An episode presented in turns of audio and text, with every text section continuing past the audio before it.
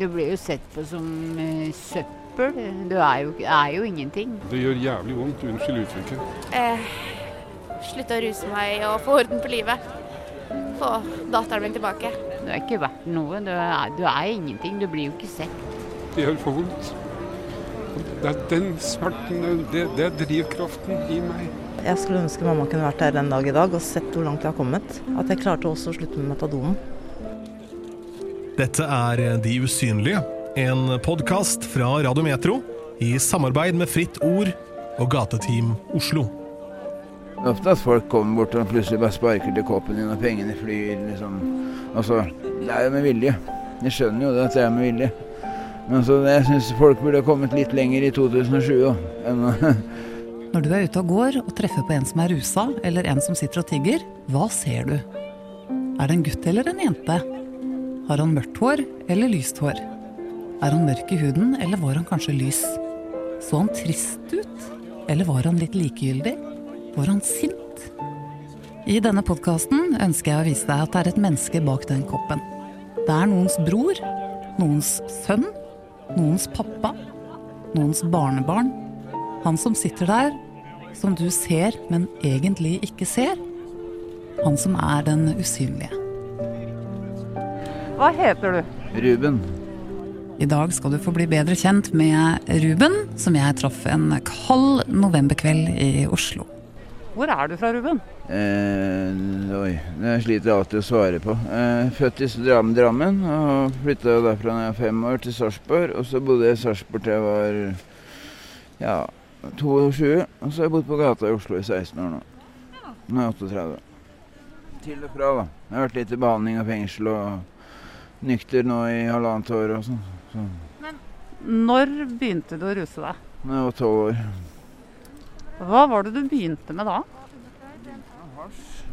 Eh, fordi storebroren min, er tre år eldre enn meg, han hadde en del kontakter, og han begynte å røyke hasj tidlig. Så ble jeg seksuelt misbrukt av fotballtreneren min fra jeg var seks til jeg var 12 år. Og da begynte jeg å ruse meg. Når det kom fram, da. Blant foreldre og sånn. Da syntes jeg det ble veldig flaut. Eller pinlig. Følte meg skitten og ja. Hadde egentlig bare lyst til å dø. Men så ble jeg presentert for hasj, og da ble det litt lettere. Da fikk jeg liksom pause fra all den tenkinga på det som har skjedd. da. Det var ingen som visste noe i seks år?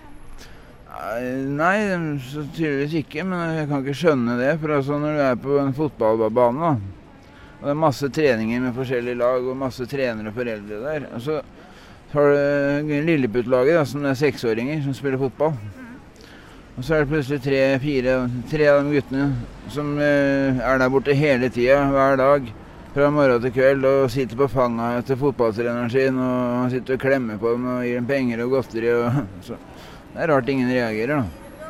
Det Ruben opplevde fra han var 6-12 år, er dessverre på ingen måte unikt. VG har senest i høst granska dommer om seksuelle overgrep i idretten de siste 15 åra, og totalt er det dokumentert 210 ofre. Er du skuffa over det? Er du forbanna over det nå i ettertid, eller skjønner du at folk ikke klarte å se det? Det som er at eh, Jeg skjønner at folk er naive og ikke vil tro sånt, men altså i dag så tror jeg kanskje ikke det hadde, at man hadde klart å holde på så lenge før det hadde blitt oppdaga. Men den gangen i 88, da, da var det kanskje ikke så opplyst om akkurat sånt med misbruk og eh, sånne ting. Men eh, i dag, så jeg, hvis det hadde skjedd i dag, så hadde jeg nok vært mer bitter og, og ja, sint. Men Ruben, fikk du noe hjelp, eller? Hjelp? eh, Nei. Eh, nei, jeg begynte å ruse meg som en tolvåring og holdt på å ruse meg til jeg var 15 år. og Ingen tok tak i meg. og Så ble jeg sendt til barnevernet og skua bort på en institusjon langt oppe i skauen og satt eh, oppbevaring der til jeg var 18 år. Hva gjorde det med deg, tror du? Eh, hva det gjorde med meg? Det gjorde at jeg ble enda mer likegyldig til livet, meg sjøl og livet mitt. og eh, Ja, hva skal jeg si? Jeg begynte å slite med angst og ble med menneskesky og sånn. da. Ble, bare holdt oppe på et gammelt høyfjellshotell syv kilometer opp i fjellet, liksom. Og ingen aktiviteter, ingenting. Vi bare var der. ja, ja. Så det var den hjelpa jeg fikk. Altså, sånn, tilbake til oppvekst og sånn. Hadde du, hadde du en tøff oppvekst? Hadde du en bra oppvekst med familie? Som jeg sier, jeg er født i Drammen og flytta derfra da jeg var fem år. og Grunnen til det er at faren min var alkoholiker og var veldig voldelig mot mamma. Foran meg og broren min. da. Så vi lå jo ofte, Jeg satt jo ofte og så på at han ga mamma juling. Og jeg husker på kvelden på natta så lå jeg alltid og gjemte meg under dyna. For det, og så Donald-blad over ansiktet, for da trodde jeg ikke de så meg. Men eh, jeg lå alltid og lytta og hørte. Men alltid et leven og la. Og per dags dato så er jeg veldig var på lyder når jeg legger meg. Det er ikke alltid jeg tør å skru av lyset når jeg sover engang. Jeg er 38 år. Det er noe som er litt sånn ekstra sårt med Ruben. Kanskje er det skuffelsen over seg sjøl, fordi han klarte å holde seg rusfri i mer enn ett og et halvt år, og når han skulle av metadon, så gikk det så fryktelig gærent.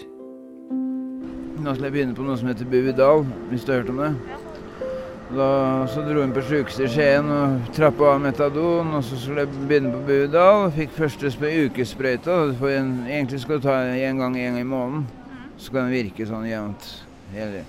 Men uh, først så får du en ukesdose. Mm, Ja, på en måte bli vant til å finne riktig dose og sånn.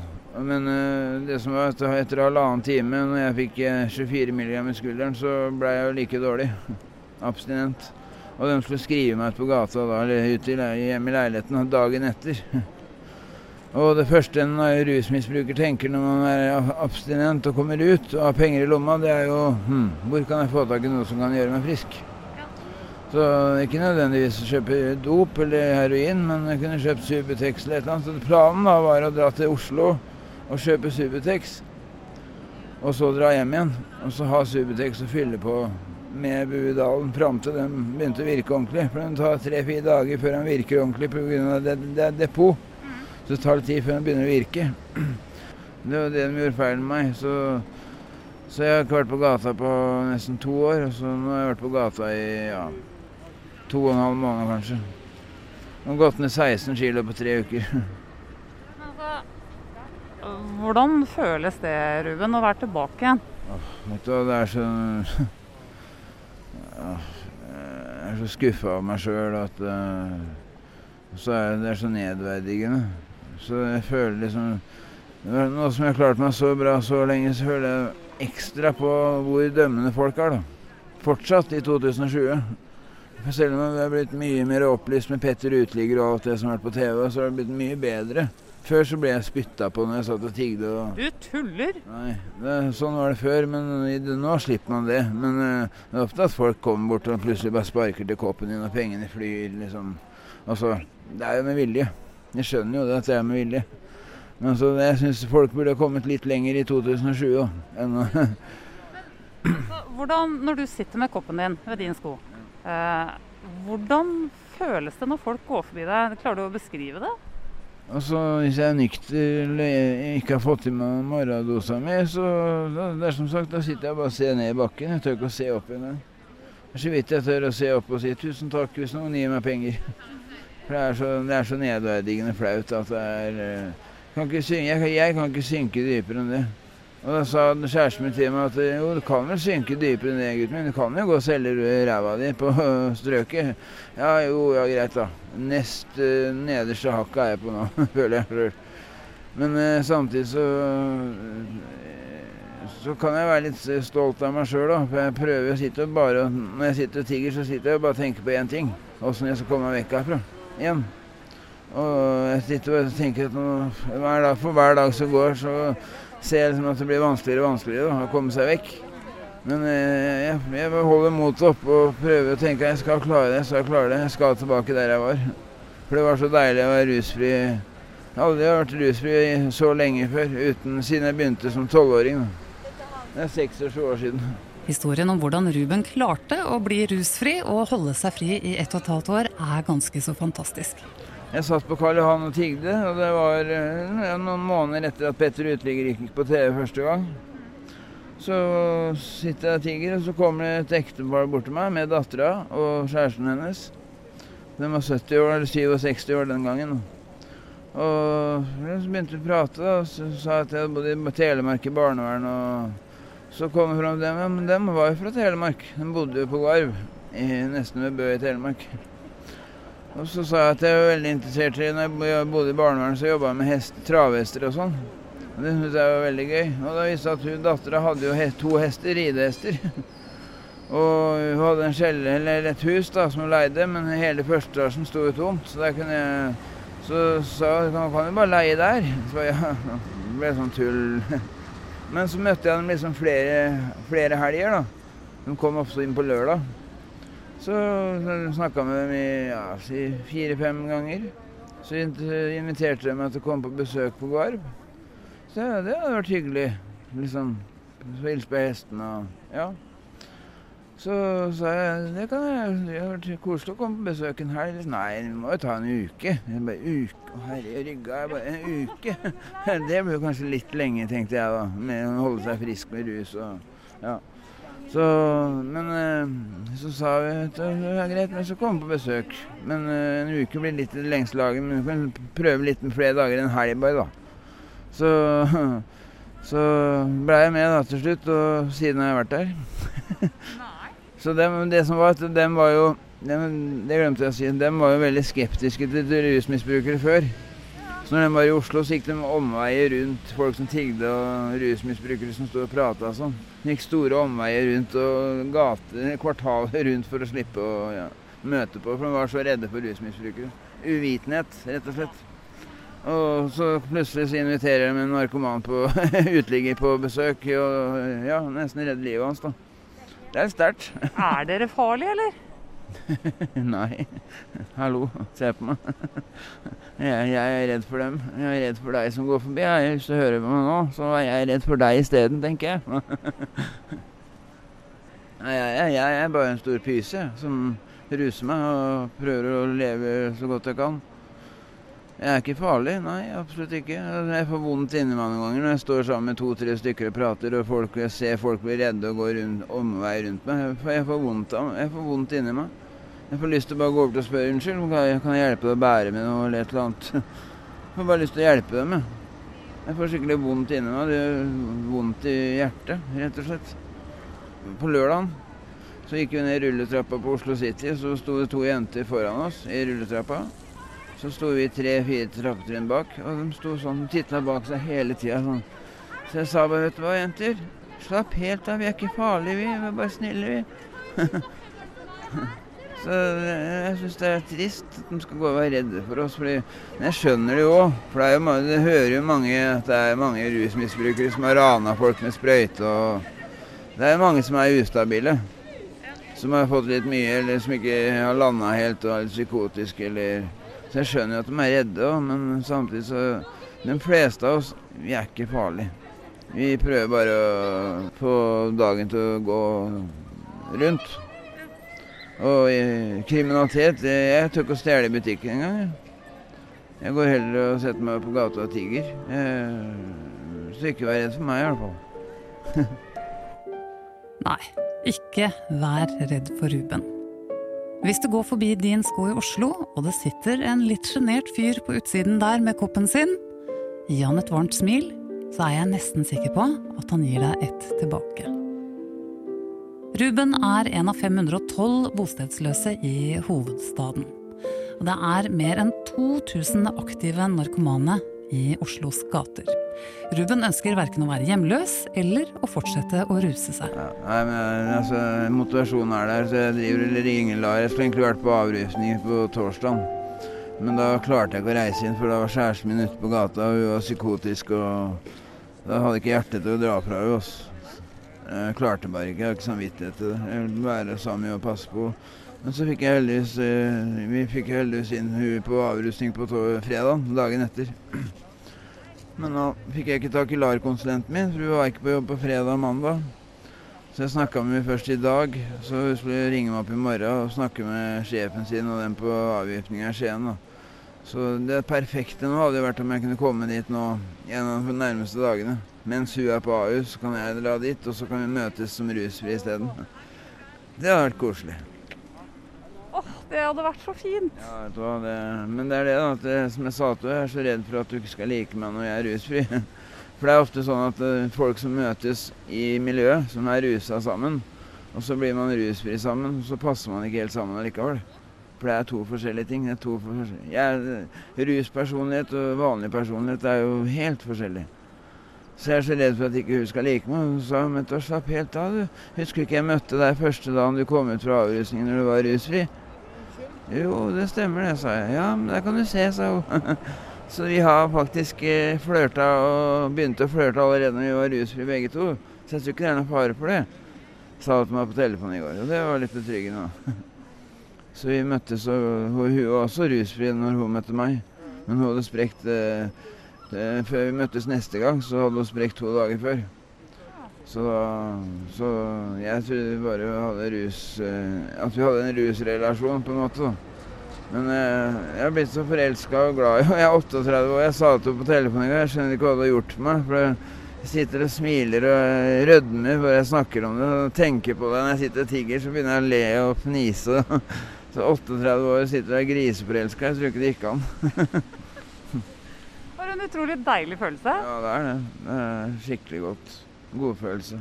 Men du sier at du bor ute. Hvor bor du da? Nei, nå er vi så heldige at det er vekterstreik, da. Så nå er Oslo S åpent døgnet rundt. Og vekterne er jo, tar, drar jo hjem klokka sju på kvelden. Så da er det åpent eh, på Oslo S til klokka seks på morgenen igjen uten noen vektere. Så da kan vi gjøre akkurat hva vi vil. Så det er både varme oss og ruse oss og kose oss. Hvor mange rusmisbrukere er det på Oslo S nå, tror du? Oi. Det er et vanskelig spørsmål, men 100-150 til og fra til enhver tid, tenker jeg. I hvert fall på natta. Ruben, så når du bor på gata, hva er verst? Er det kulda, eller er det måten folk oppfører seg på? Oi. Det er et vanskelig spørsmål. Eh, hva er tøft, da? Eh, så, så jeg vil si For flere år siden så var det det verste egentlig åssen folk oppførte seg på Så på meg på behandla, snakka slengkommentarer og Men i dag, i 2020, så syns jeg folk har blitt, fått et helt annet syn på oss, da. Mange kommer bort og sier at du er bare et vanlig menneske, du òg. Faktisk mange bort som kommer bort og klapper deg på skuldra og liksom gir deg en klem. Så her om dagen, og i går faktisk, kom det bare en jente bort og bare vet du 'Jeg har bare lyst til å gi deg en klem', jeg, sa hun. 'Jeg har ikke noe penger', liksom. Bare, ja, 'OK, ja, det er korona, ja, men vet du hva, jeg har bare lyst til å gi deg en klem'. Så fikk jeg en god klem. En god, god klem. Så det bare, ja, det var faktisk mer verdt enn penger, den, akkurat det der. ja. Så det er ofte mye som er Folk som setter seg ned og slår av en prat, jeg syns ofte det er koseligere enn å få en hundrelapp og si hei og ha det. Så, så innimellom, hvis jeg har det jeg klarer, så jeg klarer meg, så, så vil jeg heller at en, person kommer og setter seg og prater og er oppriktig bryr seg og er nysgjerrig, da. Og spør, og spør om man kan stille noen spørsmål om åssen jeg havna der, eller ja, forskjellig. Så jeg, vil jeg heller det enn å få en hundrelapp eller en tonelapp. Jeg må jo nesten spørre deg hvordan eh, korona har påvirka deg, da. Eh, Jeg sitter jo og tigger hver dag, så korona påvirka meg veldig, veldig negativt. Det vil si at det er nesten ikke folk ute lenger. Og. Folk går og Ja, folk er, holder litt avstand og Så jeg prøvde å eh, skyve plakaten og koppen litt lenger vekk fra meg. Så, men jeg merker det er stor forskjell på tigginga, at det går veldig mye treigere. og Nå er det snart jul. Hva, hva gjør du da, når jula kommer? Vet du hva, jeg, på den 16 åra så har jeg aldri, aldri feira jul på, på gata. Enten vært hjemme hos mamma eller uh, på institusjon eller fengsel eller Så det, blitt- det er en tøff tid, da, jula. Savner jo familien og venner og Men jeg, jeg er sånn at jeg liksom tar litt avstand fra familie og sånn når jeg ruser meg. For jeg, jeg føler jo at jeg skjermer dem, ikke sant. Men så får jeg høre av mamma at det er greit at du tar kontakt litt oftere. Nå er det fire måneder siden du tok kontakt sist. Jeg, å jeg beklager det, men det er for å skjerme dere, så dere skal slippe å høre at jeg er rusa og blir bekymra. Nei, men så Vi blir mer bekymra hvis ikke vi hører noe på fire måneder. Så jeg bare Å ja, ja, ja, det er for så vidt sant, da. Så, Så da jeg skal skjerme folk, så er jeg egentlig gjør dem bare mer bekymra. Men det er bare godt ment, da. Hva er, hvis du kan liksom, Alle har jo en drøm på et eller annet vis. Hva Ta tenn røykene, du. Du har god tid til det altså. Alle har jo en drøm. Hva er drømmen din, da?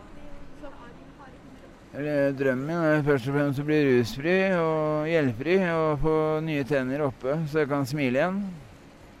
Og så har jeg lyst til å få meg utdannelse, jobbe med barn, vanskeligstilt barn og ungdom. Bruke min erfaring til å hjelpe andre til å ikke oppleve det samme som jeg har gjort. Da. Der føler jeg at det er mye å komme med. Så enten det blir å jobbe på en institusjon, en barnevernsinstitusjon eller en støttekontakt eller et eller annet. Da.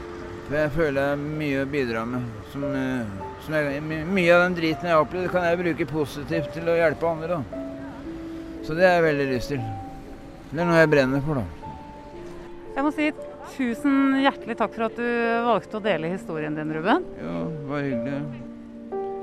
Ingen grunn til å være redd for meg. Tusen takk, Ruben. Vær så god. Tusen takk. Jeg må få lov til å si en ting til. Han kompisen din er så tålmodig. Pål, ja. Han er. Du må snakke med han nå. Han er jo, en kjendis. Pål, du er altså så tålmodig.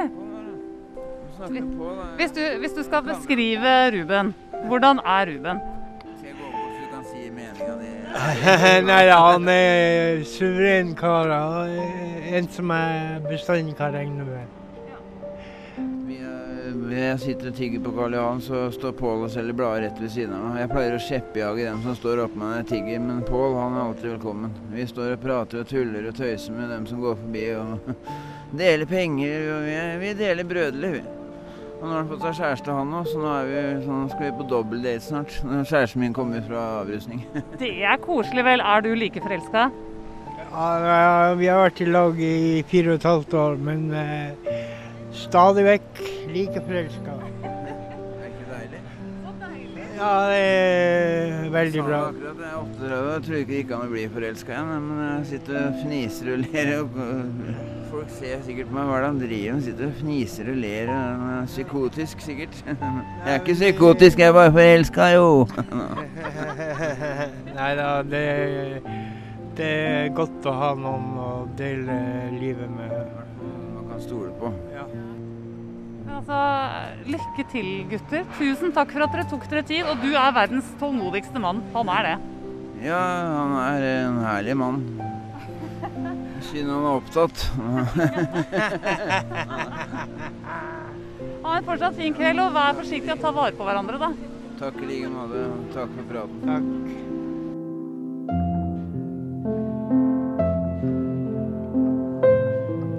Du har hørt første episode av podkasten De usynlige. Tusen takk til Ruben, som valgte å dele historien sin. Og en bitte liten takk også til Pål, som tålmodig sto og venta under hele denne praten.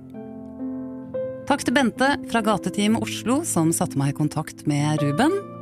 Og tusen takk til deg, som valgte å bruke tiden din til å høre Rubens historie.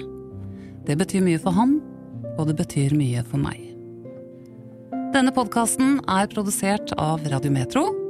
Jeg heter Hege Tepstad.